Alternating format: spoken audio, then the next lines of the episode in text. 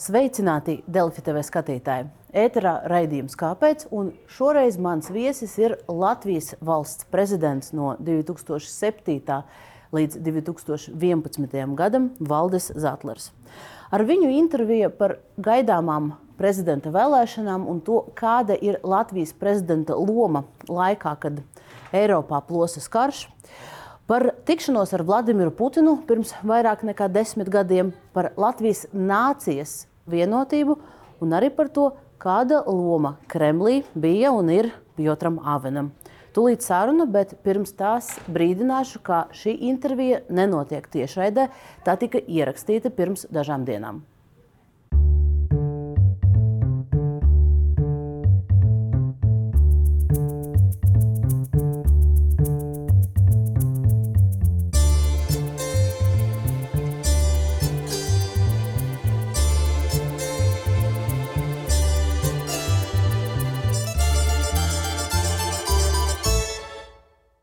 Valdis Zetlers pirms mēneša nosvinēja savu 68. dzimšanas dienu. Profesionālo karjeru sācis kā ārsts, traumatologs, ortopēds. 13 gadus vadījis traumatoloģijas un ortopēdijas slimnīcu. 2007. gadā Zetlera dzīve strauji mainījās, kad bija palikusi tikai nedēļa līdz valsts prezidenta vēlēšanām, un tā brīža premjerministra Aigara Kalvieša valdība nespēja vienoties par vienu kandidātu, šim amatam izvirzīja Zetleru. Sabiedrību sadusmoja gan tas, kā politiķi vienojas par Zetlera kandidatūru, gan arī potenciālā prezidenta atzīšanās, ka viņš ir pieņēmis tā sauktās pateicības, jeb nelikumīgus maksājumus par ārstniecību. Vēlēšanu dienā pie saimas pulcēs lieli protestētāju pūļi, kas jauno prezidentu sagaidīja ar svilpieniem un neglaimojušiem saukļiem. Zetlers stājās amatā pašā gāzi grīdā politikas kulminācijas posmā, kam sekoja smaga ekonomiska krīze. Kalvīša valdība, kas bija nostrādājusi trīs gadus, atkāpās 2007. gada decembrī. Par jauno premjerministru Zelters nominēja Ivaru Godmani, kurš valsti vadīja nedaudz vairāk kā gadu. Viņa valdība piedzīvoja 13. janvāra grautiņus, bet februāra beigās atkāpās. Martā par premjerministru Zetlers nominēja jaunā laika Eiroparlamentārieti Valdi Dombrovski. Pēc vairas Vīķis Freibergas veiksmīgā darbā ārpolitikā Zetleram bija grūti viņai līdzināties. Pirmajā prezidentūras gadā viņš netika aicināts uz prestižu ekonomikas forumu Davosā. Zetleram arī nācās taisnoties par to, ka Grūzijas kara brīdī viņš vienīgais no Baltijas valstu prezidentiem atpūties Pekinas Olimpiskajās spēlēs. 10. gada decembrī Zetlers kopā ar teju 200 cilvēku lielu delegāciju devās vizītē uz Krieviju un tikās ar Dmitriju Medvedjevu un Vladimiru Putinu. 2011. gada pavasarī, kad līdz prezidenta vēlēšanām bija palikušas tikai dažas dienas, Zetlers rosināja atlaist desmito saimu. Viens no galvenajiem iemesliem - tā liedza veikt kriminālu procesā plānoto kratīšanu deputātu un oligarha Aināra Šlesera dzīvesvietā. Zetlers kļuva par pirmo prezidentu kopš Latvijas neatkarības atjaunošanas, kurš amatā netika pārvēlēts atkārtoti. Pēc prezidenta pilnvaru beigām Zetlers nodibināja Reformu partiju, kas 11. saimā ieguva 22 vietas parlamentā, atpaliekot tikai no saskaņas centra. Taču tikai dienu pirms jaunās saimas pirmās sēdes no Zetlera partijas frakcijas atšķēlās seši deputāti. Pēc vēlēšanām partijas reitings strauji krītās. 13. gadā Zetlers atkāpās no reformu partijas priekšsēdētāja amata, bet redzamākie partijas biedri iestājās vienotībā partija tika likvidēta. Valdis Zetlers laipni lūgt, kāpēc? Labdien! Eh, ir daudz tematu, kurus šajā raidījumā es gribētu pacelt, bet viens no svarīgākajiem šobrīd politiskajā līmenī ir, protams, eh, gaidāmas prezidenta vēlēšanās. Tad eh, ar tām mēs arī sāksim.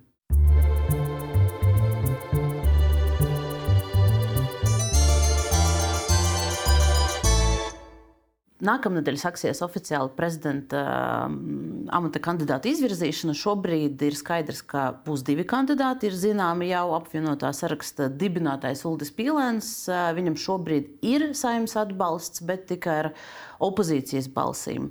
Tad ir prezidents Egils Levits. Viņu sola atbalstīt Nacionālā apvienība un jaunā vienotība.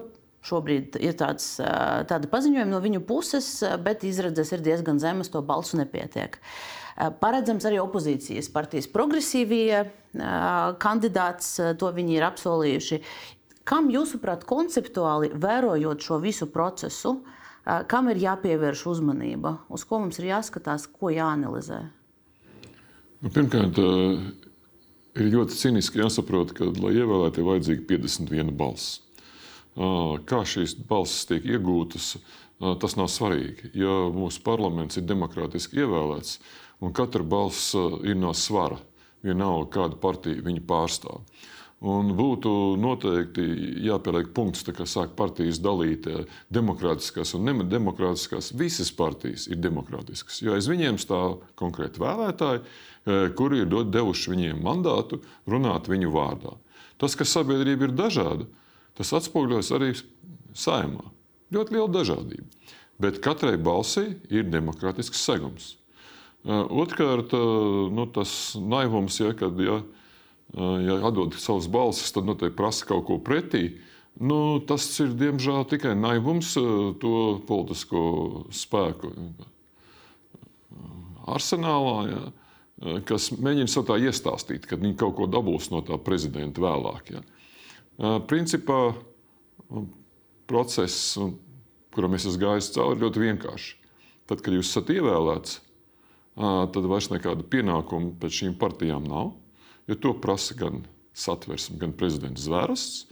Un otrām kārtām prezidents kļūst par prezidentu.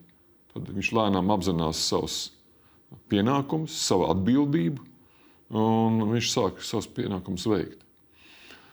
Kā tas notiek? Tas notiek ar, ar katru kandidātu, ja ievēlēto prezidentu, drusku atšķirīgi. Visu nosaka viņa iepriekšējā dzīves pieredze, kā viņš redz. Jo prezidents ir viens, tā nav politiskā partija. Prezidents ir viens.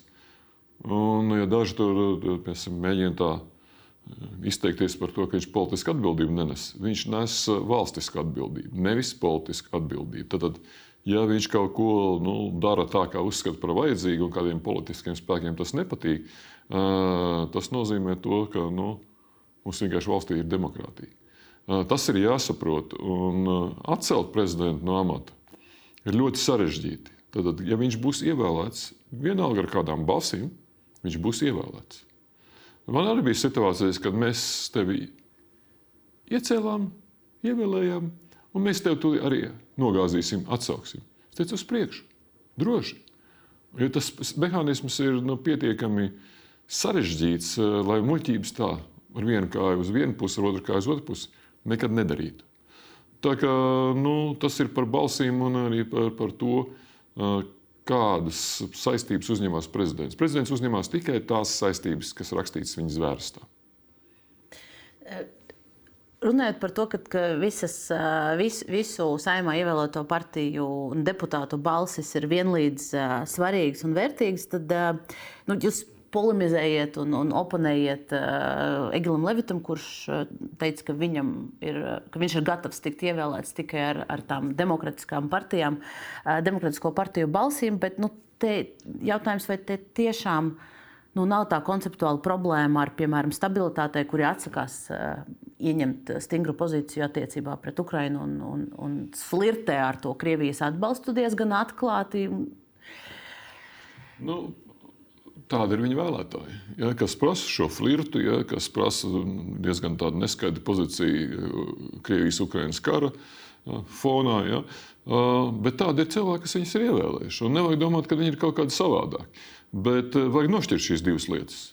Prezidents ja, un viedoklis piemēram, ja, par uh, Krievijas-Ukrainas karu. Jo, ja viņi reiz balso par to, tad viņi saista kaut kādas cerības, kad viņi uzticēsies šim cilvēkam. Un tā ir parlamentāra uzticēšanās šim cilvēkam, kas turpmākos četrus gadus būs valsts prezidents. Tā kā vajag pieiet no demokrātiskās puses, un Dieva dēļ nevajag dalīt šīs balsis labās, sliktās, jā, vai partijas pareizās, nepareizās. Nu, tā vēl varētu dalīt, jā, bet demokrātisks, nedemokrātisks, nu, tas ir absurds. Jo demokrātiskā sistēmā nevar būt nedemokrātisku partiju. Bet, ja mēs atgriežamies pie, pie, pie šī procesa un tā aktuālā politiskā mm, procesa, kas šobrīd notiek, koalīcija solīja, nu, daļa, daļa no koalīcijas partijām um, solīja, ka ir jānāk klājā ar vienu kandidātu. Šobrīd viņiem nu, nav šis viens kandidāts. Jautājums, vai, vai mēs varam kaut, kaut kādus secinājumus, jūsuprāt, izdarīt par to, kā strādā valdība un koalīcija šobrīd no šī procesa? Nu, politiķiem, tieši valdības politiķiem un koalīcijas politiķiem, pats process ir svarīgāks nekā cilvēks, kas tiks prezidenta amatā, vai šis kandidāts, kas kandidēs uz prezidenta amatu. Jo procesā viņi noskaidro faktiski savas eh, politiskās ambīcijas, eh, politiskos ieguvumus, ja, eh, izvērtē visu, kas viņiem nāks par labu, kas nenāks par labu, kādas vēl vienošanās var slēgt šī prezidenta vēlēšana fonā. Tas ir normāli, ja, un, un tas vienmēr tā tas arī būs. Protams, ka viņi šobrīd ir kā valdība, ja tādas diezgan kutelīgas situācijas priekšā, Jo, ja viņi nespēja vienoties par vienu kandidātu, tad ko darīt? Ja viens kandidāts katrā ziņā būtu skaidrs signāls, ka koalīcijā valdībā ir ļoti vienprātība liela. Nu, tad bieži vien ir tā, kā, kā bija arī pirms 15 gadiem. Ja, kad, nu, vienojās tad nu, ne mūsu kandidāts, ne jūsu kandidāts, lai nāk kāds trešais, kas, kas ir no malas ja, un kas, kas vienkārši. Nu, parāda to, ka mēs esam saglabājuši sevi, ja neesam padevušies otram politiskam spēkam ja, un spējam vienoties par jaunu trešo kandidātu. Tāda situācija arī ir iespējama. Ja. Pats to esmu piedzīvojis. Pieredze man ir nu, balstīta uz faktiem, nevis uz kaut kādu teoretisku spēli. Tad, jūsuprāt, šis ir realistiskais scenārijs šobrīd? Viens no. Uh, jo, protams, ko darīs opozīcija? Opozīcija līdz pēdējiem brīdim neteiks, ko viņa darīs. Ja viņai ir viens mērķis, ja pēc iespējas vairāk traucēt valdībai, koalīcijai, radīt viņai galvas sāpes, radīt viņai problēmas, ja, radīt viņai nu, tādas nu, neveiksmes gaidas vai kaut ko tamlīdzīgu. Līdz ar to, ja opozīcijai būs izdevīgi, ja viņi neizvirzīs nevienu kandidātu un ļaus šiem diviem saplūkties, ja viņi tiks izvirzīti. Ja.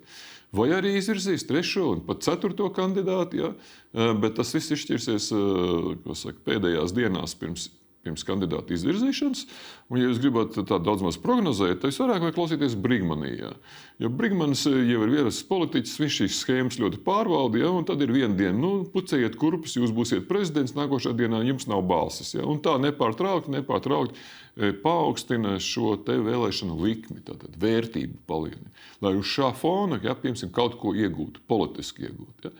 Tā kā viss tas process ir absolūti normāls. Un es domāju, ka uh, gala rezultātā mums ievēlēs labu prezidentu. Uh, un es domāju, ka Latvijai ir, daudz kandidāti, kas varētu būt labi prezidenti. Ja? Tas ir cita lieta, vai viņi grib kandidēt vai viņus grib kāds izvirzīt. Uh, bet Latvijā cilvēki mums netrūkst. Jums ir kādi konkrēti vārdi?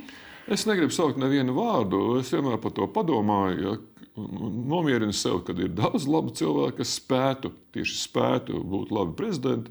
Bet uh, man ir tāda kaut kāda fatāla pārliecība, ja, ka es vairs neuztraucos, vai tieši šis vai kāds cits. Es pieeju tai lietai, to, ka nu, beigās būs labs rezultāts. Jo faktiski, jebkurā vēsturiskā situācijā Latvijai ir bijis tāds prezidents, kas ir atbildis tai situācijai. Kā tas notiek, man grūti pateikt. Bet uh, es zinu, ka tajā ievēlēšanas dienā, kad mani ievēlēja, tad uh, deputāts Šmits, kas bija mācītājs, iedeva man bībeli. Ja, Tas jums, prezidenta kungs, ir ceļu maize, ja, un es tā vienkārši viņu atvēru un izlasīju pirmais, kas man pagadījās. Un tur bija rakstīti ļoti pravietiski vārdi: Dievs ieceļ valdniekus. Es pasmējos un aizvēru to grāmatu. Ja. Tā kā, nu, no tādas pozīcijas es pieeju. Ja. Tas, ka, protams, notiek cīņa, tas ir normāli, un tas, ka cīņā kāds uzvarēs, tas arī ir normāli. Galvenais ir nepazaudēt demokrātijas pamatprincipus un sapratni par demokrātijas pamatprincipiem.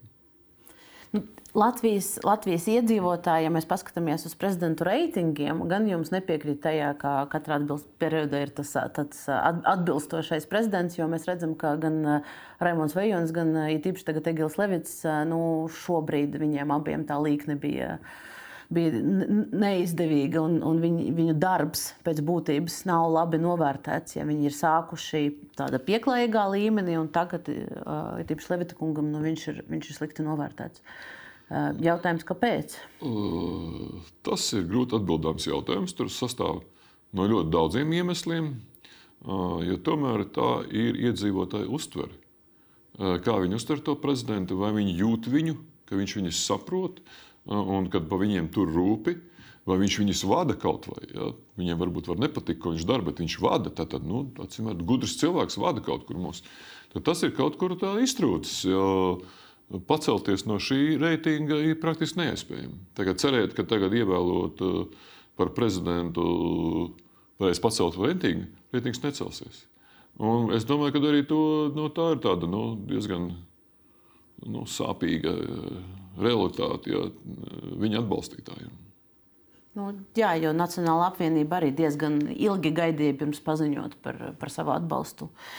Uh, Bet, nu, ja, mēs, ja, mē, ja, ja ļausiet, es pajautāšu par, par, par to, kā jūs vērtējat tos divus kandidātus, kas šobrīd jau ir pie, pieteikti. Mēs sākam ar, ar Levita kungu. Tad, viņš ir solījis būt visas tautas prezidents, kad ticis ievēlēts. Vai, vai jūs varat novērtēt, vai viņam tas ir sanācis? Būt par visas tautas prezidentu pirmkārt ir pienākums, otrkārt tas ir solījums, ko ir devuši pilnīgi visi prezidenti, kas Latvijā ir bijuši. Tas ir fakts. Kā nu katram ir sanācis, ja? tas ir cits stāsts. Ja? Bet es domāju, ka šobrīd ir ļoti svarīgi paskatīties, kas trūkst. Un trūkst tas, kad ir skaidra valoda un saruna ar cilvēkiem. Jo cilvēkiem šobrīd ir ļoti daudz jautājumu, ja, jo mēs esam ļoti sarežģīta sabiedrība. Katrai sabiedrības grupai ir citi jautājumi, kas viņus satrauc. Ja, un ja viņi negūst atbildes no politiķiem vai valsts vadītājiem, tad viņi nu, vai nu atmet ar roku un saka, šitiem nav ko ticēt, vai arī viņi vienkārši kļūst pilnīgi nu, apātiski, varbūt pat agresīvi ja, pret valsti. Ja. Valsts ir radīta tāpēc, lai rūpētos par saviem iedzīvotājiem. Tas ir viennozīmīgi, un tas ir politiķiem jāsaprot, un uh, jāsaprot, kā saprotamā valodā uzrunāt. Varbūt šīs ir tās sekas tam ilgstošiem politiskam korektumam, kad saka, ja ne melns, ne balts, Ja, un tad kaut ko pa vidu norunā, ja, un, un tad iznāk tāds neceps, ne vārīts. Ja, un tad beigās viss saprot, ka viņš neko negrib teikt. Ja. Nu, tas ir raksturīgs diezgan lielai Latvijas politiķu plējādei. Un vēl tādi, kas vispār nerunā. Kas ir deputāti, bet vispār nerunā ne ar vienu. Ja? Ne no tribīnas, ne ar cilvēkiem. Un tad ir jautājums, ir, nu, nu, kas par lietu. Ja? Nu, kas par lietu? Ja? Nu, tad, protams, viss saka, nu, tie ir partijas saraksti. Ja? Jā, bet partijas sarakstu sastādītiem ir jāņem vērā, ka viņas partijas spēks būs daudz lielāks, ja katrs, kas tiks ievēlēts, būs spējīgs nest viņa partijas programmu, ideoloģiju, runāt ar cilvēkiem, nest apakaļ cilvēku domas tā būs veiksme. Eh, es gan prasīju uh, sakotnēji par, par eh, paša prezidenta Egila Levita no, novērtējumu, bet es sapratu, ka jūs negribat viņu tiešā veidā vērtēt. Nu, Pirmkārt, nu, pieklājība prasa, ja, ka mēs varam vērtēt procesus, ja nevis pašus cilvēkus. Darbus mēs varam vērtēt. Un arī, un arī ar darbiem mēs jābūt ļoti korektiem, ja, tāpēc, ka vienīgie, kas zina, cik grūts ir prezidenta darbs, ir tie cilvēki, kas ir bijuši prezidenta amatā. Pārējiem tas ir skats no malas, ja, un tāpēc, nu, zinot, cik grūts ir prezidenta darbs, ja, es no jebkādiem tādiem komentāriem, vērtējumiem, ja, kur varbūt arī man, manā saka, skatījumā var būt drusku pārdroši, vai, vai, vai nepārliecinoši, vai neobjektīvi, es labāk atturos. Bet, zinot, cik grūts ir prezidenta darbs, vai jūs varat vērtēt, vai šim darbam Uldis Pilēns būtu gatavs? To mēs nekad nezinām, jo mēs nevaram vērtēt, jo nav šo četru gadu. Bet tajā dienā, ja viņš potenciāli tiks ievēlēts, sāksies viņa darbs, ja, viņa apzināšanās, ja, kad viņš ir prezidents. Tas sākās faktiski ievēlēšanas dienā. Un, un, un neviens nevar pateikt pirms tam. Ja. Un nevienā augstskolā prezidents negatavo, un arī kursi priekšprezidentiem nav. Visu nosaka viņa dzīves pieredze. Mēs varam vērtēt piemēram, visus kandidātus, ne tikai Pīlēnu kungu, bet arī visus pārējos kandidātus, kas varbūt nāks tikai pēc viņa dzīves pieredzes. Ko viņi ir darījuši līdz šim dzīvē? Jo tas būs turpinājums partijas pamato savas, eh, savas izvēles, kā viņi, kā viņi eh, šos kandidātus eh, sameklē, prezentē sabiedrībai. Vai jūs saprotat, tur ir iztrūkst kaut kāda kritērija, lai mēs vairāk no politiķiem dzirdētu, kāpēc viņi virza, kāpēc viņi balsta par konkrēto kandidātu? Nu, Pārsvarā daži no tiem argumentiem ir tādi, kas nu, neiztur nekādu lielu kritiku. Mēs negribam pārmaiņas, tas nozīmē. Ja, vien, viena, ja. Un otrs saka, mēs gribam pārmaiņas. Ja. Un īstenībā nu, tas nenozīmē neko. Ja. Neviens arguments, ne otrs arguments. Par kritērijiem tā ir mūžīgais, mūžīgais jautājums. Ja. Kam tad jābūt? Nu, es uz to jautājumu atbildu bieži un mierīgi pasaku. Ja. Pirmkārt, dzīves pieredze. Tātad, lai tu varētu vērtēt gan notikumus Latvijā, gan ārpus tās, uh, Otrkārt, tas ir valodas zināšanas, jo tas būs nepieciešams ārpus Latvijas, piemēram, labas zināšanas. Un treškārt, spēja runāt ar, ar cilvēkiem vienkāršā valodā, tā lai viņi tevi saprot. Un arī runāt, klausīties un runāt. Un pēdējais, protams, ir pieņemt darbā vēstures padomnieku, jo vēstures jautājumi ir tik jūtīgi, ka uz tie var tā, tās nezināšanas par vēsturi, vienalga vai būtu kāda novada vēsture Latvijā vai kādas valsts vēsture kaut kur pasaulē, var sabojāt visas attiecības, vai tieši otrādi - pacelt attiecības ļoti uzticamīgas, uzticamīgas augstā līmenī. Par, par šo vēl, vēl viena lieta, ko es gribēju tieši ņemot vērā jūsu pieredzi, prasīt. Mēs redzam, ka šīs ir otrās prezidenta vēlēšanas, kur deputātu balsojums būs atklāts. Jūs redzat, kāds ir mainījis to politisko procesu? Noteikti. Jo līdz tam, kamēr bija aizklāts lēvēšanas, vienmēr kaut kādas šīs balstas, trūkstošās balstas, tika politiski nopirktas. Ja, kaut kur opozīcijā, un viens nezināja, kur. Un, ja sāk prašņāt, tad visi ir balsojuši, ja, un, un katrs lielās ar to, cik savas balsis ir nodevis par esošo ievēlēto prezidentu. Uh, bet kā ir īstenībā, neviens nezina.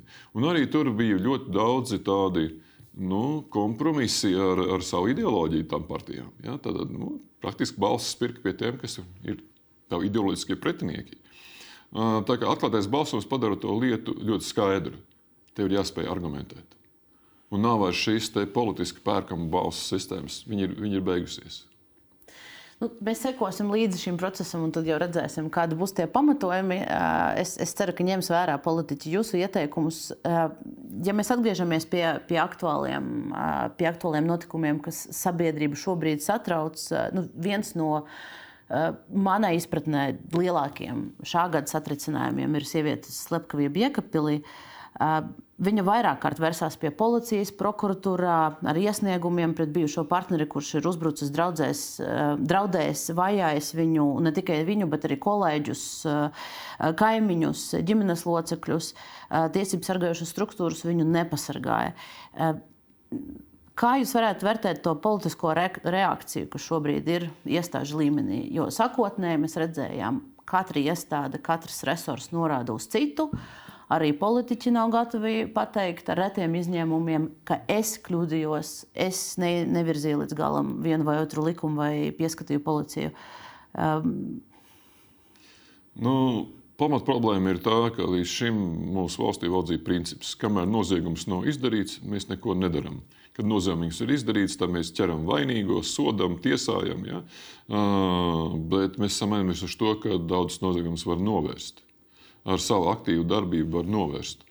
Un, uh, ja piemēram, nu, uh, izskan kādi draudi valsts prezidentam, ja, vienalga kādi, pat varbūt visfantastiskākie, uz tiem vienmēr drošības dienesti reaģēja, bet drošības dienesti reaģēja kā uz reāliem draudiem. Šajā brīdī mēs redzam, ka policija uh, nereaģēja uz šiem draudiem, ja, kā reāliem draudiem. Nu, jums tur kaut kāda ģimenes lieka, tiekat paši galā. Un tā ir problēma, tā ir attieksmes problēma. Bet tas nozīmē to, ka šobrīd ir jāveic šīs izmaiņas likumos, kas ļauj pirmkārt pašai ģimenei, konkrēti viņi taču griezās pēc palīdzības, bet ļautu arī kaimiņiem, paziņām, darba kolēģiem reaģēt. Viņi jau reaģē, tur jau tās ir. Bet moments jau neviens neklausījās viņos teicat, nemaisties, kur, kur nevajag. Ja? Un eh, šeit ir jānāk tas, jāpienāk pie tā punkta, ja, kad uz šādiem lūgumiem, vai ziņām vai signāliem ir jārēģē. Pat ja liekas, eh, ka nu, viņi ir pilnīgi nereāli. Uh, jo tikai tādā veidā mēs, ja mēs uzticēsimies un jutīsim atbildību par cilvēkiem, kas mums ir blakus, mēs panāksim to, lai tas neatkārtotos. Šis ir pietiekami smags gadījums, traģisks gadījums, lai mēs turpinātu vienkārši tā, nu labi, te gadījās. Nav tā kā gadījās. Šeit ir jādomā par to, kā mēs cīnīsimies ar vardarbību, kas ir reāla ģimenēs. Ja? Viņi var būt fiziski, viņi var būt arī psiholoģiski. Kā to novērst? Ja cilvēki šobrīd baidās, viņi baidās pat stāstīt par savām problēmām kādam, jo tāpat neviens nereaģē. Ja? Tas viss, kamēr nu, ja ir līķis, tad reaģē. Ja? Un tad, protams, tā reakcija nu, ir diezgan tāda nu, dīvaina. Katrs cenšas atkratīties no savas vainas. Pareizi es piekrītu tiem, kas teica, ka principā mēs visi. Gan policija, gan politiķi, deputāti izskatā, gan ministri, ierēģi, kas neko nav darījuši. Ja? Mēs te filozofējam, mums patīk vai nepatīk Stambulas konvencija, es varu vēlreiz atkārtot. Ar vai šo konvenciju, vai bez viņas, mums būs jārīkojas. Ja mums ir problēma, ja, mums nevajag gaidīt, ka, piemēram, to, ka kāds mums piespiedīs kaut ko darīt. Jo tā problēma jau nav tikai Latvijas problēma. Ja, tad, tad, tāda Stambulas konvencija radusies tieši tāpēc, ja, ka eh, tā ir problēma gandrīz visās valstīs. Uh, savā grāmatā uh, 2015. gadā izdotajā, jūs aprakstat, aprakstot nu, apžēlošanas funkciju valsts prezidentam. Jūs rakstat par kādu noziedznieka apžēlošanu. Es gribu nocitēt vienkārši vienu fragment, jo tas sasaucās ar, ar šo tematu. Un, un, kāds vīrietis greizsirdības dēļ afekta stāvoklī bija nožņaudzis savu mīļāko. Ieslodzījumā viņš jau bija pavadījis desmit gadus no 14. Nešaubījos, ka šīs Otello jau sen simtām reižu bija visu pārdomājis par nodarīto mīlestību, nāvi un dzīvības vērtību. Kāpēc viņam vēl četrus gadus par to domāt? Viņš jau sen visu ir sapratis, ir vērts riskēt un dot iespēju pierādīt, ka viņš var dzīvot brīvībā. Tad nu, no šī izriet, ka, ka jūs, jūs pieņemat lēmumu uh, apžēlot uh, šādu, šādu cilvēku. Jūs zināt, kā tālāk viņa liktenis mm. risinājās, ko viņš darīja brīvībā? Precīzi nezinu, bet es ļoti sekoju līdzi, kas notiek ar tiem cilvēkiem, kas tiek apžēloti. Un tur tās proporcijas apmēram bija tā, es apžēloju vienu no desmit iesniegumiem, tad vienu cilvēku no desmit. Un uh, pēc tam uz noziedzīgā ceļa atgriezās apmēram arī viens no desmit apžēlotiem. Nu, tāda interesanta, ka tā proporcija ir līdzīga. Bet principā tie, kas atgriezās, tie bija nu, teiksim, sīkie zagļi, sīkie huligāni, kas atskot, uh, nebija nekāda nopietna. No nopietnu uz, uh, noziegumu izdarīšanas tomēr šī apžēlošana atturēja tos cilvēkus. Tagad apžēlošana ir piedošanas akts, un mums jāsaprot, cik prasmīgi ja, konkrētais prezidents šo piedošanas aktu realizē. Cik tālu viņš iedziļinās šajā lietā, šajā cilvēkā, viņa liktenim pēc iziešanas pa cietuma durvīm, jo pēc desmit gadiem jūs te neviens negaida ārpusē. Ja? Un dzīve ir mainījusies. Tas ir ļoti sarežģīts process, bet eh, tas, kad es ieraudzīju šos skaitļus, es saprotu, ka es esmu darījis pareizi. Tagad, kad ir vērts to darīt. Ja? Runājot par to, šo konkrēto gadījumu, um, zinot, ka šādiem noziegumiem ir diezgan liels risks uh, atkārtoties, mēs arī redzējām uh, stāstu par Leonu Rusiņu, kurš ir vājājis vairākas sievietes, arī savu iepriekšējo partneri. Uh, Vai, vai jums nebija vēlmes pasakot īpaši šim gadījumam līdzi un paskatīties, vai tiešām tas, tas, tas risks, jūs, jūs, jūs rakstījāt, ka jūs riskējāt, ja, ka tas risks attaisnojās? Nu, bez šaubām tas bija risks, bet man bija zināma ticība. Es ļoti rūpīgi izlasīju visu to noziegumu, tos apstākļus, lietu, kā viņš tālāk, kā viņš desmit gadus ir uzvedies cietumā. Viss. Precīzi uzrunāt nav iespējams, jo tad vajag nu, speciālu uzdevumu. Un arī tas, ka man apžēlošanas dienesta vadītāji vienkārši tā kā es viņai lūdzu sekot vismaz, jo vairs nevar savākt datus. Bet visi šie apžēlotie, viņi pēc tam tomēr ir uzraudzībā, policijas uzraudzībā. Nav jau tā, ka viņi vienkārši tiek palaisti ārā un dariet, ko jūs gribat. Manu uzmanību piesaistīja šis fragments, jo um, greizsirdība, ko jūs minat kā, kā iemeslu šai slepkavībai, ir kaut kas, kas nu, no Vārmaku puses, tāds virspusējs, kā tāds virspusējs motīvs ir bieži pieminēts vardarbībā pret sievieti. Un tas realitātē, kā skaidro speciālisti, nav par greizsirdību kā tādu. Tas ir iegansts, lai kontrolētu, lai pazemotu, lai pakļautu, iebiedētu šo, šo sievieti. Jautājums, vai te publiski rakstot un publiski šādā veidā aprakstot šo slepkavību, jūs nu, savā ziņā um, nu, nepiedalāties tajā, tajā attaisnošanā. Šādu Noteikti, noziegumu. Ne. Tā ir atdošana, tā nav attaisnojuma. Attaisnojuma nav nekāda. Cilvēks ir notiesāts, viņš izdarījis noziegumu. Viņam vienkārši kādā brīdī tiek piedots. Tātad dot iespēju. Un pēc tam viņam seko līdzi policija un ja viņš kaut ko uz to pusi, ja, tad viņš var atgriezties tur, kur viņš, viņš bija. Ja, varbūt vēl uz ilgāku laiku. Mums jāsaprot, ka var būt eh, spontāna reakcija vienreiz. Un varbūt teiksim, tā, tāda nu, jau, sociopātiska reakcija, kas ir vienkārši viņa dabā iekšā, un viņš turpina. Un pēdējais gadījums skaidri parādīja ne jau tikai pret savu dzīves biedru, ja tas bija pret visiem. Tad, tad viņš nu, vienkārši bija agresīvs cilvēks. Un tad, nu, tur, nu, es nespēju iedomāties, ka kāds viņu apžēlotu nespēja iedomāties. Jo tomēr nu, apžēlošana ir ļoti nopietnas solis, ko spēr valsts prezidents. Vai jums ir, bija iespēja iepazīties ar nu, tās nogalinātās sievietes tuvinieku reakcijām uz šo lēmumu? Protams, nē. Vienkārši var iepazīties ar to, kas ir pieejams jums. Ja? Nu, Tādēļ jums ir pieejama viss visi apstākļi, visi izmeklēšanas dokumenti. Pēc lēmuma jau. Es pēc domāju, lēmuma, pēc nē, lēmuma, nē, jā. Nē. Nē. Kā jums šķiet, tas varēja viņus ietekmēt? Ļoti grūti atbildēt. Jo pēc desmit gadiem jā, var būt gan piedošana arī no viņas radinieku puses, gan arī pilnīgi pretēji, ja pilnīgs naids, ja, kas šeit ir noticis jau, un kāpēc vispār šis slepkavs ir apžēlots. Nu, bet es teikšu tā, nu, arī pēc 14 gadiem nu, viņš arī iznāk no cietuma. Mm. Tas un arī, gan... protams, jāskatās, cik samērīgi ir tie sodi. Ja vienam par slepkavību dod 6 gadus, no otram 14, jā, tad jāsaka, skatīties, jā, nu, vai tam vienam nav par maz un tam otram nav par daudz. Jā. Jo soda samērīgums eh, ir tas, eh, kas ir vissvarīgākais. Ja, ja noziedznieks eh, saņem sodu, kuriem viņš liekas, nu, ir taisnīgs, viņš mainās. Bet, ja viņš saņem sodu, kas viņuprāt ir par bargu, netaisnīgs, viņš nemainās. Un, un tā, tādas lietas uzminēt faktiski nevar.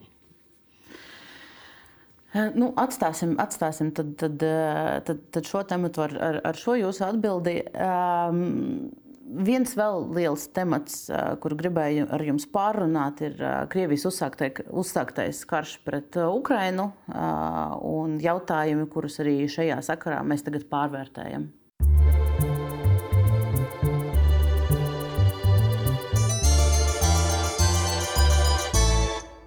No ārpolitikas viedokļa viens no, skaļākiem, viens no skaļākiem notikumiem jūsu prezidēšanas laikā bija piedalīšanās 9. maija svinībās Maskavā, Sarkanajā laukumā, oficiāla vizīte arī uz Maskavu, tikšanās ar tā laika premjeru Medvedevu Krievijas, ar tā laika satunies, prezidentu Medvedevu un premjeru tā laika Putinu. 2010. gadā tas viss ir noticis. Ja, ja skatītāji varbūt neatcerās tik, tik senus notikumus, bet es gribēju sākt ar 9. maija apmeklēšanu. Mm, arī savā grāmatā jūs aprakstiet, kā trīs Baltijas valstu prezidenti sākumā vienojās visi trīs braukt. Un tad jūs aprakstiet, ka intensīvi meklējāt Krievijas ielūgumu. Bija tiešām pamatīgs darbs pie tā. Kāpēc tolaik jūs tik aktīvi gribējāt braukt uh, uz 9. maija svinībām, ņemot vērā to, ka uz to brīdi jau vairākus mēnešus uh, atpakaļ bija noticis Krievijas iebrukums uh, Grūzijā un, un tās daļas pēc būtības okupācija. Tas bija divus gadus pirms tam. 2008. gada augusts un 2010. Nu, gada decembris. Meklējums sākās. Lieta ir tāda, ka um, bija tāds iespēju lokus uzlabot attiecības ar Krieviju. Protams, ka tur bija gan piesardzība, gan arī tāda nu, vēlme domāšana, ka to var izdarīt, ja, un ka tā arī var.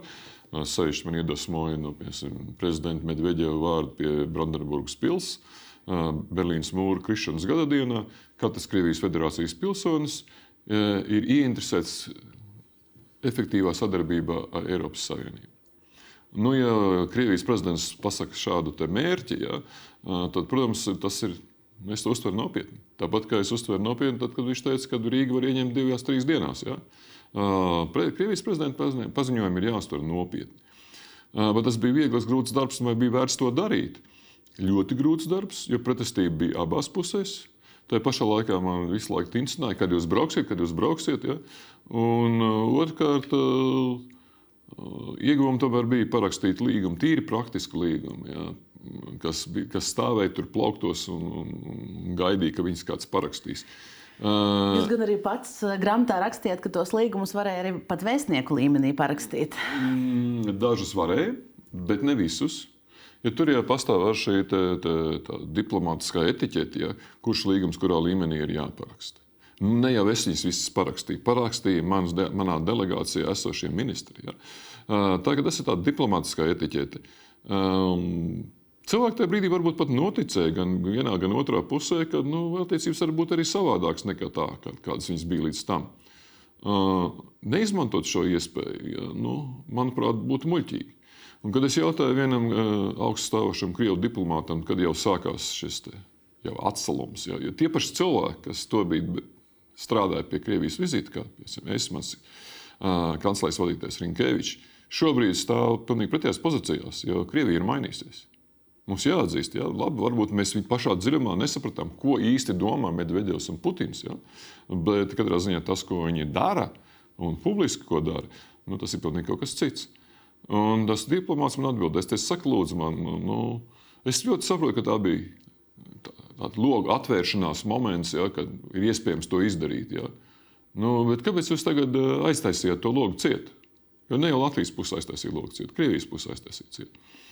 Viņš atbildēja to, kas man pārsteidza, bet ko es citēju nepārtraukti. Mums, diplomātiem, vienādi maksā gan par logu atvēršanu, gan par viņu aizvēršanu. Tad kāds ir politiskais uzdevums? Tā ir dot.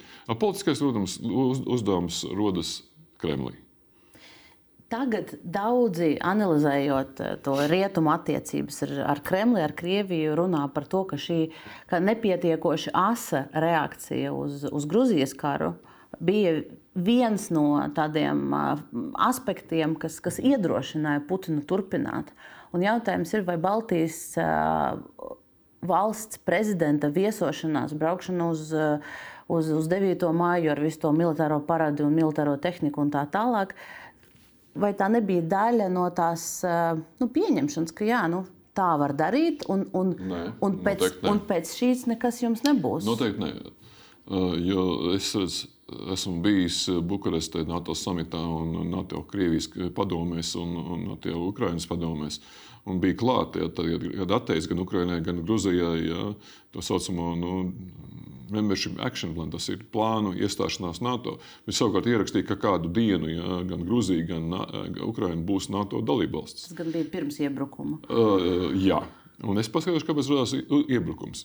Un tad, kad eh, Putinam neizdevās, saka, viņam izdevās pārliecināt Merkeli un Sarkozī, bet neizdevās pārliecināt NATO valstu vairākumu, kad nu, bija šis kompromiss ja, noteikti, ja, kuru panāca. Kad ierakstīja deklarācijā, ka būs kāda diena, kad man šodien jautā, vai Ukraiņai būtu NATO vai nē, es saku, mēs esam to apsolījuši.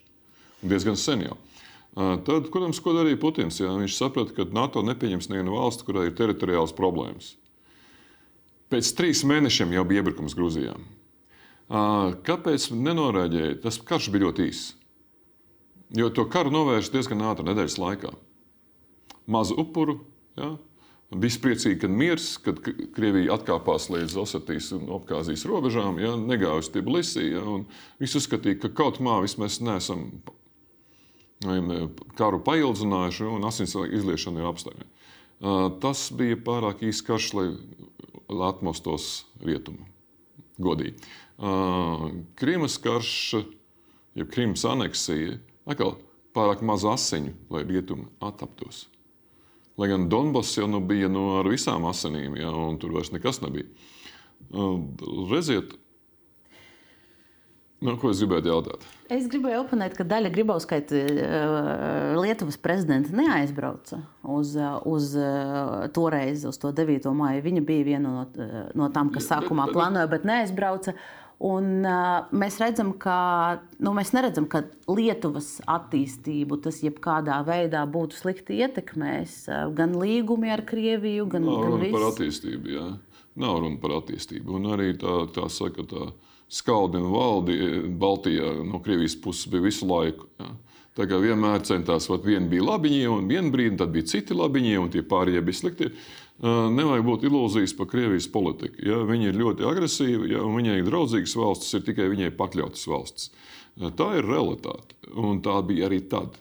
Nu, tad mēs gājām uz to, lai būtu Krievija pakļauta valsts ar savu Nē. draudzīgumu un braukšanu uz 9. māju. Uh, Par 9. māju es varu pateikt, Putins radīja šo 9. māju, un tagad viņš viņu ir likvidējis. Jā. Uh, Tāpēc, ka tā ir, tā ir, viņa, tā ir viņa svētki. Jā, jo, kad, kad es biju jauns, tad tāda svētki vispār neeksistēja. Un šobrīd caur savu uzbrukumu Ukrajinā šis 9. mājas ir beidzies. Un es domāju, ka vajag skaidri pateikt arī visiem Latvijas cilvēkiem, jā, ka 9. māja Latvijā vairs nekad nebūs. Bet jautājums, vai toreiz, Toreiz, nu, kamēr esmu- Putins būvēja to 9. māju, un jūs ar savu amatu, ar visu cieņu, kas jums ir starptautiski, devaties uz to 9. māju, vai jūs nepalīdzējāt Putinam būvēt šo Noteikti notikumu? nē. Noteikti nē. Ja Pupins ko būvē, to viņš būvē Krievijā, nevis ārpus Krievijas. Ja. Viņam ļoti patika izrādīties, ka lūk, visi pasaules līderi pie Viņš manis tajā atbrauc brīdī- arī tā tur fašistiskā Latvija. Tas ir interesanti, ka tajā brīdī viņš bija zemāks par zāli. Ja? Uh, Jo viss bija Medvedevs un priekšā Medvedevs, un tur tā pa starpam varēja satikt Putinu ļoti kautrīgi nolaidušām acīm. Tā, tā. Uh, Bet tajā pašā laikā tajā parādē piedalījās poļu armija. Tad piedalījās visas sabiedrotā armijas īstenībā, ieskaitot polijas armijas pārstāvis. Tajā, tas bija tāds laiks, kad visi cerēja, ja, ka nu, iesāksies tomēr atslābums un attiecību uzlabošanās. Mums vajadzēja necerēt. Domāju, ka vajadzēja cerēt. Tagad mēs redzam, ka tā bija kļūda. Kļūda bija kaut kur citur. Kļūda bija tā, kur es ilgi nevarēju dabūt atbildes. Ja, kad Beģevs man jautāja, ja, vai es lobēju it kā nu, Krievijas iespēju piekļūt NATO pretgaisa aizsardzības sistēmām. Viņiem bija tāda tendence, tas tika ap, apspriests gan NATO Krievijas padomē un tā tālāk. Un es viņam jautāju, kāpēc. Un tajā brīdī viņš teica, mums tad lētāk izmaksātu, armijas modernizācijas programmu, kam jābeidzās 2022. gadā. Simboliski, vai ne? Un es ilgi nevarēju saprast, jo es neredzēju jēgu tam visam. Un es ilgi domāju, vai bija, tas bija labas gribas žests, vai tas bija cenšanās uh, izjaukt NATO, uh, vai tas faktiski bija viens veids, kādā iegūt laiku, ja, lai sagatavotos kaut kam briesmīgam. Nu, un tad, tad, teiksim tā, šo desmit gadu laikā es esmu pamest nonācis pie secinājuma, ka acīm redzot, tas tomēr bija veids, kā koķetēt ar rietumiem ja, un iegūt laiku kaut kam briesmīgam, lai sagatavotos kaut kam briesmīgam. Nu, jūs, jūs runājat par to, ka šīs klimats eh, 2010. gadā bija citādāks, un, protams, to nevar noliegt. Bet vienlaikus arī eh, ārpolitikas eksperti Latvijā eh, pēc Krievijas iebrukuma Grūzijā eh, diezgan skaidri pauda, ka agresijai vajadzētu likt eh, Latvijas politiķiem pamosties. Eh, Varbūt es citēšu šo Andriu Sprūdu. Viņš teica, varbūt tas nedaudz atvēsinās politiķu impulsus par mūsu milzīgo sadarbību ar Krieviju.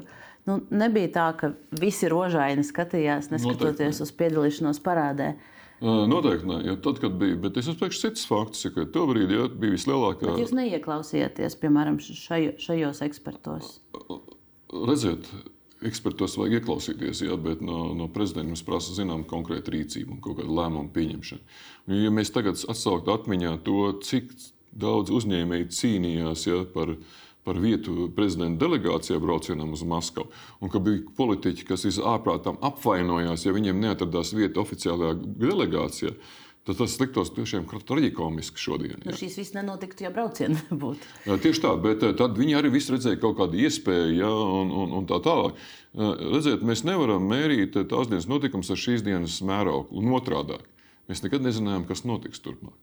Mēs nezinām, tas, ka mūsu tirsniecība gāja augš, uz augšu nākošajā gadā, ievērojami. Ja? Tas bija fakts. Bet uzminēt, kas būs tālāk, tas bija ļoti grūti. Un to joprojām valdīja tā eifórija, kad visu lielo naudu un biznesu var uztaisīt Krievijā. Tas ir beidzies. Un ko mēs no tā iemācījāmies? Ka tāda paša eifórija, kad visu lielo naudu var uztaisīt Ķīnā, bija ļoti īslaicīga. Tas, ko Latvijas uzņēmēji iemācījās un vienmēr pārmet politiķiem, jums tur vajag uzlabot attiecības, tas ir beidzies. Bet no to kur, attiecību kursu uzstāda jau politiķi. Un tagad, ja mēs skatāmies uz at, tas, tas, ko es jau pieminēju, ja mēs skatāmies uz Latvijas attīstību salīdzinājumu ar Baltijas valstīm, daudz tiek pieminēts, ka mēs atpaliekam. Uh, gan Igaunija, gan Lietuva bija izvēlējušies tos kursus, kas, kas nu, mazāk ir atkarīgi no, no, no ārlietām. Bet mēs, kā Latvija, mēs būvējām nu, šo tiltu starp Krieviju un Rietumiem, tranzīts un, un tā tālāk. Un, nu, daudz cilvēku no ir iznīcināts tagad. Un... Nu, un nekad netiks atjaunots. Nu, tāda ir realitāte. Ja. Uh, Es runāju par to, vai, vai to vai mēs pieļāvām strateģisku kļūdu, Domāju, ka nē. pakļaujoties. Domāju, ka nē. Redziet, tas ir milzīgs analoģija ar, ar, ar, ar, ar televīziju Dožģi. Ja? Mēs pilnīgi pareizi izdarījām, ka mēs ielaidām viņus šeit. Un pilnīgi pareizi izdarījām, ka mēs viņus izraidījām no šejienes. Tad devām viņiem iespēju, ja, un tad, kad tur sagāja viss drusku tā kā greizi, ja, tad teicām, paldies, jūs nesat vēlami mūsu valstī. Ja jūs nemēģināsiet neko darīt pozitīvu, ja, tad negaidiet, ja, ka jūs kāds cienīs. Jo tas lielākais kompliments, ko es ieguvu pēc vizītes Krievijā, bija, kad latviešu mēdī teica, ka uh, Zetlers ir nodevis Latvijas intereses, un Krievijas mēdī teica, ka uh, Medvedevs ir nodevis Krievijas intereses. Es, tad viss ir kārtībā. Tas nozīmē to, ka šī vizīte un arī sarunas un ir bijušas konstruktīvas, tātad līdzvērtīgas. Te, te gan jūs pielīdzināt Latvijas mēdījus un Krievijas mēdījus, uh, un mēs zinām, ka nu, arī 2010. gadā uh, brīva prese tur bija ļoti nosacīta. Nu, katrā ziņā brīvāk nekā viņa ir šodien. Tas gan, bet pielīdzināt. Uh... Grūti pateikt, es tam, devu diezgan daudz interviju Krievijas žurnālistiem. Ja? Es nevaru teikt, ka viņi bija nu, tendenciozi vai, vai teiksim, ļoti lielai cenzūrai pakļauti. Es skatījos, ko, ko es esmu teicis un ko viņi raksta. Diezgan precīzi rakstīja. Ar dažiem izņēmumiem, protams. Eh, jūs rakstījāt, ka lielu lomu vizītes Maskavā gatavošanā no Krievijas puses eh, spēlēja Piotrs Avens. Eh, tolaik viņš pārstāvēja Krieviju, Latvijas-Krievijas biznesa aprindu sadarbības padomē. Tagad Avens ir Eiropas Savienības sankciju sarakstā. Viņš ir uzsācis tādu spēcīgu lobēšanas kampaņu. Uh, kur mēģina pierādīt, ka lūk, Putinam nemaz, nemaz tuvu viņš nav stāvējis. Zināms, ir stāsts ar Nacionālas apvienības ievērojama politiķa Egli Helmaņa tikšanos ar Avenu, ar mēģinājumu rīkot izstādi ar porcelāna no Avena kolekcijas. Izmantojot savas zināšanas un pieredzi, jūs varat tagad pateikt, cik Avens nu, tiešām bijis tuvs Putinam, kāda ir viņa loma Kremlī? Ļoti tūs. Ļoti tūs spējām patiešām piez, piezvanīt, kad ir nepieciešams, un arī piezvanīt, ja nepieciešams, no Rīgas. Un, principā, tā vizīte nebūtu notikusi, ja Avens šo vizīti nelabētu, tad neatbalstītu. Ja? Tad viņš bija vistiešākais cilvēks, kas bija Putinam blakus. Toreiz tas bija, kā mēs jau šīs intervijas laikā runājām, tas bija pozitīvs moments. Tad varēja panākt daudz ko. Jau bija pat tādas nu, stāsti, ka nu, kāds tur nesot dokumentus no viena ierēģiņa pie otra, lai viņi, viņas varētu paspēt parakstīt. Ja, un, ja, ne, ne, ja kaut kas ieķerās, tad eh, nāk Putina rīkojums to ātri izdarīt, ja, un tur, protams, tam klausa. Un šobrīd redz, tas tuvums eh, Putinam eh, ir ar pilnīgi pretēju nozīmi. Kaut kas ļoti negatīvs. Un pilnīgi saprotami negatīvs. Jo nu, tu nevari būt tuvs un, un tā pašā laikā neciest ja, no tā, ko dara šis Krievijas prezidents ar savu uzbrukumu Ukraiņai. Tad uh, pilna samaksa par to, ka tu esi tuvs. Un tā ir nu, teiksim, taisnīga samaksa. Jums šķiet, ka viņš tuvs arī bija līdz. Nu... Tur neviens netuvs cilvēks tajā zālē nesēdēja. Dažas dienas pirms kara. Nu, tā ir realitāte. Ja? Bet šis tūms, piemēram, 2009. un 2010. gadā spēlēja pozitīvu lomu, un šobrīd nu, viņš atspēlējās pašam Avenam ļoti negatīvi. Es šajā brīdī es par Piotru Avanu noteikti vēl prasīšu. Šajā brīdī man jāatvadās no RTV skatītājiem. Tur mūsu laiks RTV ēterā jau ir beidzies, bet uh, mēs uh, noteikti turpināsim šo sarunu Delfi TV studijā, un tad uh, turpmāko varēsiet noskatīties Delfi arhīvā. Bet paldies par uzmanību RTV! Kā jums šķiet, šobrīd Avens viņš dzīvo, viņš ik pa brīdim parādās Rīgā, ir redz, redzamas bildes ar viņa uh, viesošanos grāmatu veikalā. Vienā brīdī bija uh, ziņas, ka viņš dzīvo Lielbritānijā. Viņš diezgan tā, ļoti aktīvi mēģina pierādīt savu. Uh, savu atrautību no, no Kremļa režīma, vai jums šķiet, ka viņš šobrīd joprojām pilda uh, Putina aģenta, Putina tāda emisāra lomu, esot ārzemēs, vai, vai viņš mēģina saraut tas saites godīgi?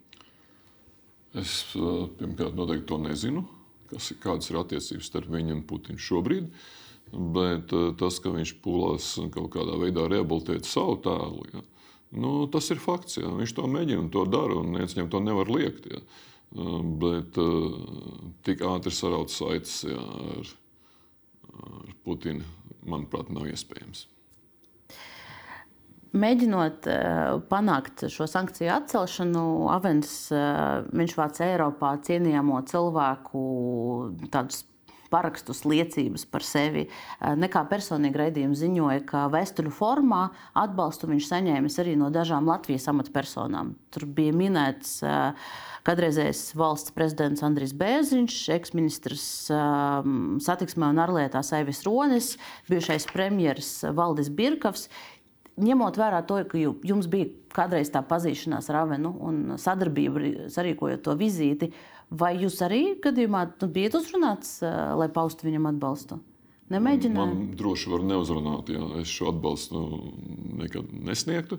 Viena iemesla dēļ, jūs saprotat, Kara laikā ir tikai divas puses. Vai tu esi par mieru, vai tu esi par karu. Un nomazgāt vienkārši to, ka es teicu, kļūdījies, miljardieri nekļūdās. Te jautājums ir par to, droši vien man tad jāuzdod, vai, vai, vai kļūdās kultūras cilvēki. Jo neskatoties uz to nu, ļoti principiālu pozīciju, ko jūs šobrīd paudāt, Cik es saprotu, jūs bijāt eh, operas namā brīdī, kad tur dziedāja Anna Trepko. Viņas, viņ, vai viņas pozīcija jums netraucēja baudīt mākslu? Vīnas operā es biju, tāpēc, ka tur dziedāja Elīna Garanča. Nu, viņa Trepko bija kopā ar viņu. Bez šaubām. Un tā ir Vīnas operas izvēle, kādu sastāvu viņi izvēlās. Ja? Un tur bija tiešām zvaigžņu sastāvs. Uh, kurš varbūt vairs nekad tādā sastāvā, vai pat līdzīgā sastāvā, nedziedās šo operu. Tā kā tas bija unikāls notikums. Un, un ja Tripo tomēr ir arī Austrijas pilsoni. Un daudz pilsoņi pauž arī Austrijas pilsoņi, pauž arī tādas dīvainas viedokļus ja, par to, kas notiek uh, Ukrajinā, uh, kur reāli mirst bērni, mākslinieki, simtgalvī, tiek grautas kultūras celtnes un tā tālāk. Um, Jūs gribat man jautāt, varbūt man vajadzēja iestāties pozā. Nu, es domāju, ka uh, nevajadzēja iestāties pozā. Ja. Uh, tāpat, ja viņai daudz ko pārmet, un bija tur visas demonstrācijas un tā tālāk, ja. Tas process notika vienkārši. Ja. Bet es vēlreiz atkārtoju, es braucu skatīties Elīnu Garanču un klausīties. Ja. Nevis speciāli demonstrēt kaut kādu savu attieksmi. Mana attieksme pret, pret karu Ukrajinā un arī Elīnas Garančas attieksme pret karu Ukrajinā ir viennozīmīga. Tur ir agresija, un agresors ir Krievija. Bet tas, ka uz skatuves bija Viņa Trepko, kurā atkal mēs tajā pašā laikā, kad notika tā izrāde, Mm, performance, tad uh, 23. gada janvārī šogad uh, Zelenskis netiepko ir iekļāvis Ukraiņas sankcijām pakļauto sarakstā. Viņa, es pieņemu, ka varbūt ne visi skatītāji sekojuši viņas izteikumiem, tāpēc man ir jāpaskaidro, ka viņa uh, uzreiz pēc kara sākuma viņa rakstīja, ka būtu nepareizi māksliniekus uh, publiski, likt māksliniekiem publiski paust uh, viedokli un politisko viedokli un nosodīt dzimteni. Vēl vasarā viņa apgalvoja, ka gatava sēdēt uz diviem vai pat trim krēsliem, un tas ir citāts, cīnoties par savām tiesībām palikt ārpus politikas. Jūs pats teicāt, ka mm, atbalsta trūkums Ukrainai un skaidras valodas uh, trūkums pēc būtības nozīmē atbalstu Krievijai. Jā. Pat ja nepasaka, es esmu par karu, ja nesaka, es atbalstu Ukrainu, Krievija ir noziedznieks, Putins ir noziedznieks, ir skaidrs, ka šīs ir atbalsts viņiem. Tas ir tas, kas skan viņa triepko. Viņi izvairās. Tur jāsaka tā, ka katras valsts konteksts ir drusku savādāks. Mūsu Latvijas konteksts ir ļoti konkrēts. Un mums nav nekādu šaubu par to, ka mēs pareizi runājam. Mēs esam ļoti kategoriski savos spriedumos, un tam ir savi iemesli, gan mūsu sabiedrības sastāvs, ja, gan arī robeža ar, ar Krieviju.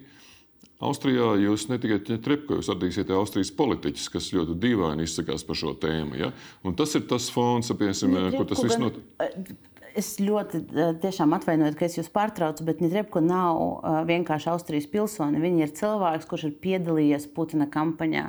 Viņu Jā. tiešām var nosaukt, viņa ir pozējusi ar tā saucamo Novorosijas karogu. Uh, viņa ir cilvēks, kuram ir būtu skaidri jāpasaka savu pozīciju tagad, jo agrāk Jā, viņa atbalstīja Putinu. Jā, piekrītu, ka viņai būtu jāpasaka skaidra pozīcija. Ja? Bet viņa jau redzēt, to skaidro pozīciju nepateica. Līdz ar to, ka Par tiem krēsliem runājot, viņi dabūja saka, no vienas puses jā, kritiku, un arī dabūja no otras puses kritiku. Jā, un, uh, kā tas viss beidzās, nu, mēs pat vēl nezinām. Bet uh, es domāju, ka uh, nu, pārāk daudz goda jā, vienam kultūras cilvēkam, jā, kad mēs analizējam, kā viņam vajadzētu domāt, vai viņam nevajadzētu domāt. Jā. Kā viņi domā, tā viņi ir domās. Ja, un ir šīs dažādas pozīcijas, ir valstis, kuras principā atsakās gan no, no krievu komponistu skaņdarbiem, kas atsakās no, no krievu dramaturgu ja, lugām, ja, kas atsakās no krievu izpildītājiem. Ja, ir valsts, kas tur ir daudz vaļīgāks ja, un, un, un visādi argumentētos. Mēs nevaram pamācīt visu pasauli. Tas ir tas message, ko es jums vai vēstījums, ko es jums gribu pateikt. Ja? Jā, mēs esam ar savu pozīciju, bet mēs varam prasīt, lai visi domā tieši tāpat un rīkojas tieši tāpat. Un tas ir attiecās uz to, kas notiek šeit Latvijā? Es jums uzdodu šos jautājumus dēļ tā, ka mēs arī ar kolēģiem runājām, ko, ko, ko šis solis nozīmē. Jo pērkot biļeti, apmeklējot viņas, viņas uzstāšanos, jūs nu, pēc būtības leģitimizējat viņu šo pozīciju. Ka tas, ka viņa šādi saka, nenozīmē, ka viņa ir viņi, viņi ir. Nu, kā ar viņu vairs nedrīkst sadarboties. Jo, nu, pērkot biļeti, tā ir tāda sava veida nu, komunikācija ar šo vēstījumu. Es nedomāju, ka tas mans vēstījums būtu tik ļoti spēcīgs, ja kad ietekmētu vai neietekmētu pašu Ņetrepko vai, vai, vai nedodies veselu, veselu citu kādu auditoriju. Tas ir prezidents. Uh, jā, un es par savu viedokli arī atbildēju. Šoreiz saku, es braucu klausīties Elīna Garanča unikālā sastāvā, kas varbūt ir pēdējo reizi. Ja, es domāju, ka, ja jūs man prasat ja, par, par to, vai šis atkārtosies ne tikai tāpēc, ka grūti savākt tādu zvaigžņu sastāvu, bet arī tāpēc, ka es domāju, ka Elīna Garanča vairs ar Ņetripku kopā nedziedās. Labi, paliekam, paliekam ar šo atbildi. Es gribēju atgriezties pie sarunas par, par, par mūsu pašu politiku un par, par Krievijas lomu Latvijas politikā. Saskaņa šobrīd partija, kas ir nonākusi no politiskā zenīta 11. gadā, jūs iestājāties par to, lai, lai tiktu uzņemta um, šī partija koalīcijā. Mm, tikai ar tankiem var mainīt mūsu lēmumu. Jūsu ļoti slavenā frāze Latvijas rādio, ja nemaldos. Uh, un beigās koalīcija ar saskaņu izveidot neizdevās. Uh, Ušakovs uh, apvainojās un atriebās ar parakstu par referendumu par krievu valodu, kā otro valsts valodu. Diez, tas ir tā. Viņš vienkārši zin, saka, ir izcils konjunktūrists un viņam tas referendums būtu vajadzīgs tā vai tā. Un redziet, kas ir.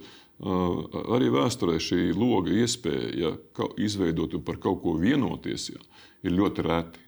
Faktiski kopš tā gada jā, vairs nav bijis nekāda iespēja vispār saskaņai pat toties valdībai. Pārsvītroja iespējas. Jā. Nu, tas ir tā, ne, ne tikai viņš, arī tas, ka nu, skaidri redzams, ka kad ne visi koalīcijā iesaistītie bija gatavi iesaistīties, tā kā piemēram vienotība. Ja? Un, un, un, ja Ušakovs domāja, ka nu, es viņam atnesīšu tur gatavs visas vienotības balsis, tas skars, es teicu, gribu būt valdībā, nes pats savus balsis. Tā viņš domāja? Tā viņš domāja, diemžēl. Un, un, ja, nu, arī, arī Urbanovičs pārreikinājās, viņam tur likās, ja, ka es tur visu izdarīšu, ja viņiem, lai viņiem būtu labi. Tas nebija domāts, lai viņiem būtu labi. Tas bija domāts vienreiz, lai uh, viņiem būtu kaut daļa atbildības. Līdz ar to, kas mainītu viņu domāšanu. Šā vai tā, tajā brīdī es redzēju to, ka šī partija lēnām degradēsies un izjūgs. Un šodien mēs nonākam pie tā, ka tas tā ir. Un nekas vietā nav Nu, Tātad eh, grūti pateikt, vai viņa vēl atdzīvosies. Domāju, ka nē. Un tas nu, nozīmē to, ka Latvijas eh, teiksim, nu, krieviem ir stingri jāpadomā, kā turpmāk kaut kādā veidā realizēt sevi politiski. Tas ir ļoti grūts jautājums. Nu, šobrīd mēs redzam, ka daļa balsu aizgāja pie nu, savā ziņā radikālās eh, partijas eh, stabilitātei, daļa balsu aizgāja pie nu, citām partijām. Tā tas tieši arī notika. Jā, bet vai ar stabilitāti kāds ir ieguvis? Stabilitāti, tā vārdu spēlē. Domāju, ka nē. Jo politikā tomēr ir jāiegūst pieredze. Nevar vienkārši tā ielikt grupa cilvēku ielēc politikā, to mēs redzējām ar kaimiņu partijām un, un, un arī daļai arī ar citām partijām. Tad tev tomēr ir jāiemācās, jo politika ja ir valsts pārvaldība. Atbilstoši tavu vēlētāju interesēm, kādā veidā mēs vienojamies, kā mēs pārvaldīsim savu valsti. Ja. Tā kā nu, iegūmu pagaidām nav nekādu, ja, un tas varbūt ir slikti. Uh, Jo neataisno ne arī ne, ne, ne tās balss, kas aizgāja Zaļo zemnieku savienībai, ja precīzāk Lembergam, ja, kurš spēja uzrunāt ja, Latvijas krievus, ne, ne, arī, ne arī Šlesaram, ja, kurš joprojām cenšas uzrunāt. Ja, Latvijas krievus. Ja. Tur var spekulēt arī, ka progresīvie ieguva no. Progresīvie, jā, daļa, bet jā. es teikšu tā, progresīvie ieguva ar pozitīvo zīmi pozitīvi ieguļi. Tie pārējie vienkārši nu, pamēģināsim ar tādu progresīvo, jo tie cilvēki, kas gāja atbalstīt progresīvos no, no Latvijas krieviem, viņi skaidri un gaiši zināja, ko viņi grib. Tā ir tā visvērtīgākā daļa ja, no Latvijas krievu kopienas. Ja. Bet jūs redzat, ka mm, šis process ir neatgriezenisks un vairs nebūs partijas, kas varētu šīs balsis atkal savākt kopā. Ka tā, ka tā sašķelšanās, ka tā ir, tā ir notikusi. Un, un, un tālāk mēs redzēsim, kā atsevišķas partijas cīnās par tām balsīm, bet, uh, bet tas viens liels spēlētājs vairs nebūs. Man ir grūti pateikt, tas ir labi vai tas ir slikti. Jo tomēr mēs esam nonākuši tajā punktā, kad partijas ideoloģija uh, nosaka to. Partijām sāk parādīties tēli, kur cilvēki atpazīst. Tad viņi zina, šie rīkosies tā, viņi atbalsta tādu ideoloģiju, šie rīkosies savādāk un atbalsta pilnīgi savādāk ideoloģiju tas lēnām beidzot sāk veidoties. Ja. Nav šī dalījuma, ja, mūsējie un nemūsējie. Ja. Tas, tas, tas, ir, tas ir aizgājis. Jo redz, ka tas nestrādā. Un arī izaugušas jauna paudze, kas domā savādāk. Ja. Um, Bet jautājums, kā izpausties, ja uzbūvēt partiju, nav tik viegli. Ir bijuši daudz mēģinājumu. Ja? Un, uh, es pats esmu mēģinājis būvēt, redziet, tā, uh, tā uz, uz ātrā, ja, uzbūvēt partiju. Ja, uh, ir sevišķi, ka tev apkārt ir tikai cilvēki, kas grib protestēt un ir neapmierināti. Ir samērā grūti. Tā pašā laikā es turpināšu par savu partiju. Ja. Redziet, tie cilvēki, kas izveido to partiju, ja tā arī saucās reformu partijas kodols, tie jau šobrīd ir, joprojām ir politikā, jo viņi zināja, ko viņi grib. Un tie, kas saka, līdzskrējēji, tie arī ir pašķīduši, ja, kur viņi ienāk prātā. Mēs kādreiz ironizējām, ja, ka kopš eh, partijas likvidācijas ja, reforma partijai vienmēr ir bijuši vismaz trīs ministri valdībā un vicespīkera amats. Ja. Un tā tas ir līdz šai dienai, jo es runāju par cilvēkiem. Tātad, ko šī partija ar šo veidošanos, pēc tam izjukšanu ja, eh, deva Latvijas politiskajai sistēmai? Vai tu vari darīt, izdarīt uh, saskaņu? Domāju, ka nē, jo viņi, jo viņi tomēr visu laiku bija opozīcijā. Un jau bija ieciklējušies uz to, ka nu, uh, labumu politiski var būt no būšanas opozīcijā. Ja? Nu, Tā tas ir. Ja? Jo nav pat runa, kā reiz cilvēki ļoti oponē tam, ka šeit ir etniskais dalījums. Nē, šeit ir politiskā konkurence. Nonākt valdībā nozīmē izkonkurēt kādu citu ar savu viedokli, ar savu spēju sadarboties. Un mums ir jāsaprot, ka mēs esam nonākuši tajā punktā, ka nav citu variantu. Var radīt jaunu partiju, bet ar tādu domu, ka mēs spēsim noturēties varā, mēs spēsim vienoties ar citiem, mēs spēsim nonākt valdībā. Tādā ziņā, piemēram, šeit vienīgie, kam ir kaut kādas nu, nākotnes izredzes, ir progresīvi. Bet, ja mēs runājam par, par jūs iesākāt par, par jaunām partijām, tad mums ir, nu, mums ir šobrīd acu priekšā ir it kā jaunā partija, bet vienlaikus no tādiem ļoti pazīstamiem personāžiem un ļoti pieredzējušiem politiķiem apvienotais saraksts. Viņi veidoja savu ideoloģiju tā ļoti uzmanīgi. Jūs, jūs redzat, ka viņi būtu nonākuši līdz kaut kādam tādam tādam patiesam tēlam, ka mēs būtu sapra, nu. saprastu, ko šī partija pārstāv un ko viņi turpinās darīt nu, turpmāk? Faktiski viņa tēlu izveidoja uh, arhitekts Pīlāns. Tad Pīlāns ar savu pievilcību, ar spēju runāt ar cilvēkiem. Ja, radīja iespēju, ja, ka tā viss tā partija ir tāda. Lai gan sākumā viņi nemaz tā nebija aprīvējušies un nāca ārā pretrunīgi paziņojumi no viņu. Tagad to ir mazāk. Tagad ir mazāk. Tas nozīmē, ka viņi lēnā gadā viens ar otru nu, saka, sadzīvo, iemācās sadzīvot, iemācās radīt to kopējo tēlu. Mums jau ir vēl viena partija no visiem vecajiem. Ja? Tas ir Latvija pirmajā vietā. Ja? Tur vēl ir vēl vairāk, tur ir ģimenēm, tur viss šī partija ir uzturēta. Ja? Bet es domāju, ka šī laikam ir arī pēdējā reize, kad jāpārtner ar sarakstu. Es neko nevaru teikt. Tad katrā ziņā Latvija pirmā vietā šī ir pēdējā reize, kad viņi ir saimā. Ar, ar, ar Šlesera enerģiju vien ir par maz. Lai vienmēr iekļūtu saimā vai iekļūtu tur, piemēram, ar sešām, septiņām balsīm. Ja, saka, divas ģimenes jūtas laimīgas, bet viss pārējais ir nosacīts. Nu, to procesu jā, mēs, mēs redzēsim, kā, kā, kā tas attīstīsies. Atvadoties pēdējais jautājums, ko es gribēju jums uzdot šajās dienās. Uh, Nu, pēdējos gados daudz ir eh, šķeļošu notikumu Latvijā, Latvijā un arī pasaulē. Pandēmija, karš, inflācija, iekšpolitiskās problēmas, eh, izglītība, veselība, eh, rindās pilsonības migrācijas lietu pārvaldē un tā tālāk. Kas ir tas, kas, kas jūsuprāt, no ko mēs varam darīt, lai, lai atrastu to, to saliedētību? Ko mēs varam darīt, lai, lai nu kas, kas mūs var apvienot, nu, ņemot nu, vērā tas dažādas šķautnes. Pirmkārt, es pateikšu, kas man šobrīd uztrauc. Ja. Man uztrauc divas lietas. Pirmkārt, kad valsts ir pārregulēta, mums ir tik daudz noteikumu, ja, kas īstenībā ir nebūtiski, ja, un uh, kur ierēģi pārvērš to pilnīgā ellē pašiem iedzīvotājiem, ne tikai rindas uh, imigrācijas dienestā. Bet otrs ir tas, ka ziniet, uh, Latvijas krievu kopiena, ja, viņa, viņa iet cauri tādām pārvērtēšanām visu šo te kara laiku. Un, un piemēram, varbūt tā jaunā paudze, ja, kas faktiski ir uzauguši un izglītoti šeit, un tie nav vienkārši jauni krievu cilvēki, kas ir uzauguši Krievijā. Tie ir jauni krievu cilvēki, kas uzauguši Latvijā. Un mēs visi kopā esam viņus izaudzinājuši par eiropiešiem, par eiropiešu domājušiem cilvēkiem. Un, uh, viņus nejūt šobrīd. Jā, viņas pat jūtas kara sākumā vairāk, kad viņi tā parādīja. Ka, bet tagad liekas, ka viņi tā kā, tā kā sabijušies, tā kā, tā kā drusku apvainojušies ja, par to, ka viņas nepamana, ja, par to, ka nu, nu, nu, lietas nenotiek tā, kā viņiem. Par to, pat, kā man šorīt televīzijā jautāja, ja, nu, ka, ka uz ielas nosauc sliktos vārdos tikai tāpēc, ka tur runā krieviski. Diemžēl tā ir ļoti skarba realitāte. Bet, lai tā realitāte būtu tāda netik skarba, uh, ir abām pusēm jārunā. Pirmkārt, eh, tiem latviešiem ir skaidrs, jāpasaka, ka krievu valodā var runāt gan draugs, gan nedraugs. Eh, un kad vajag atturēties no tādām lietām, ja, ja tas atstāja rūkumu viņa sirdī, tam otram cilvēkam, kurš varbūt ir, ir absolūti simpātisks pret tevi. Ja.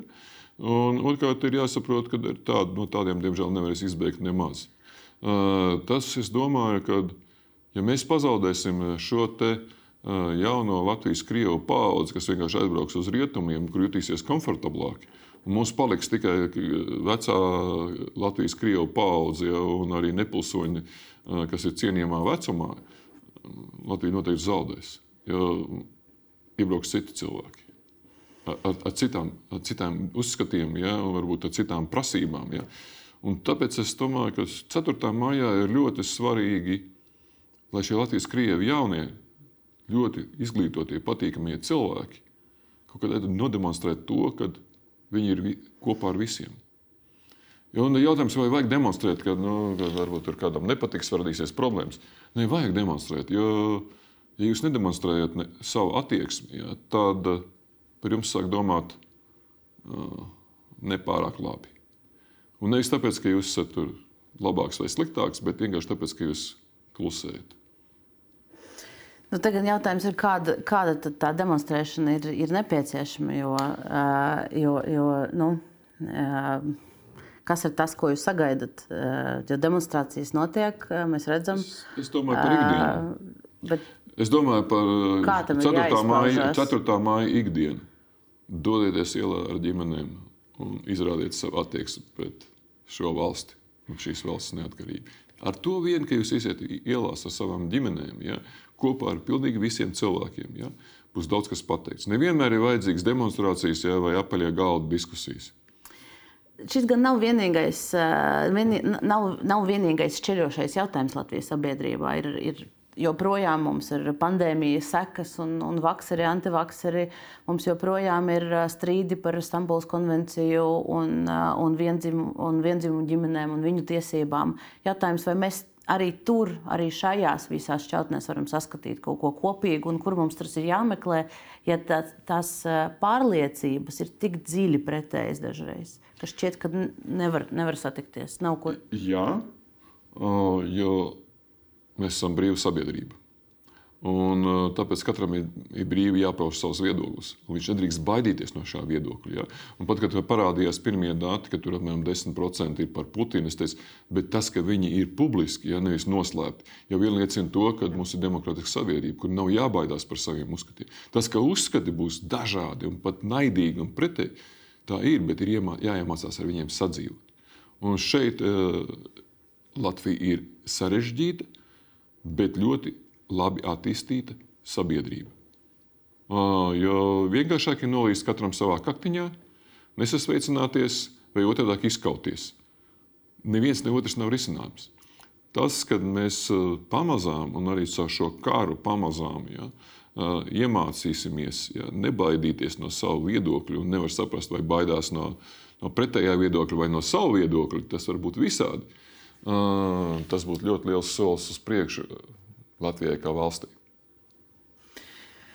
Tad pieturamies pie demokrātijas, un, un tas ir tas, ir, tas Pievaldām mēli, tad, kad var paklusēt. Um, paldies jums par šo interviju. Uh, paldies arī skatītājiem par to, ka bijāt ar mums šo mazliet vairāk nekā stundu. Uh, atgādināšu, ka mūsu etru arī šo, cits, uh, šo interviju un citus raidījumus var arī podkasta platformās, Apple un Spotify audio versijās noklausīties. Paldies skatītājiem vēlreiz, paldies par dalību un tiekamies pēc nedēļas.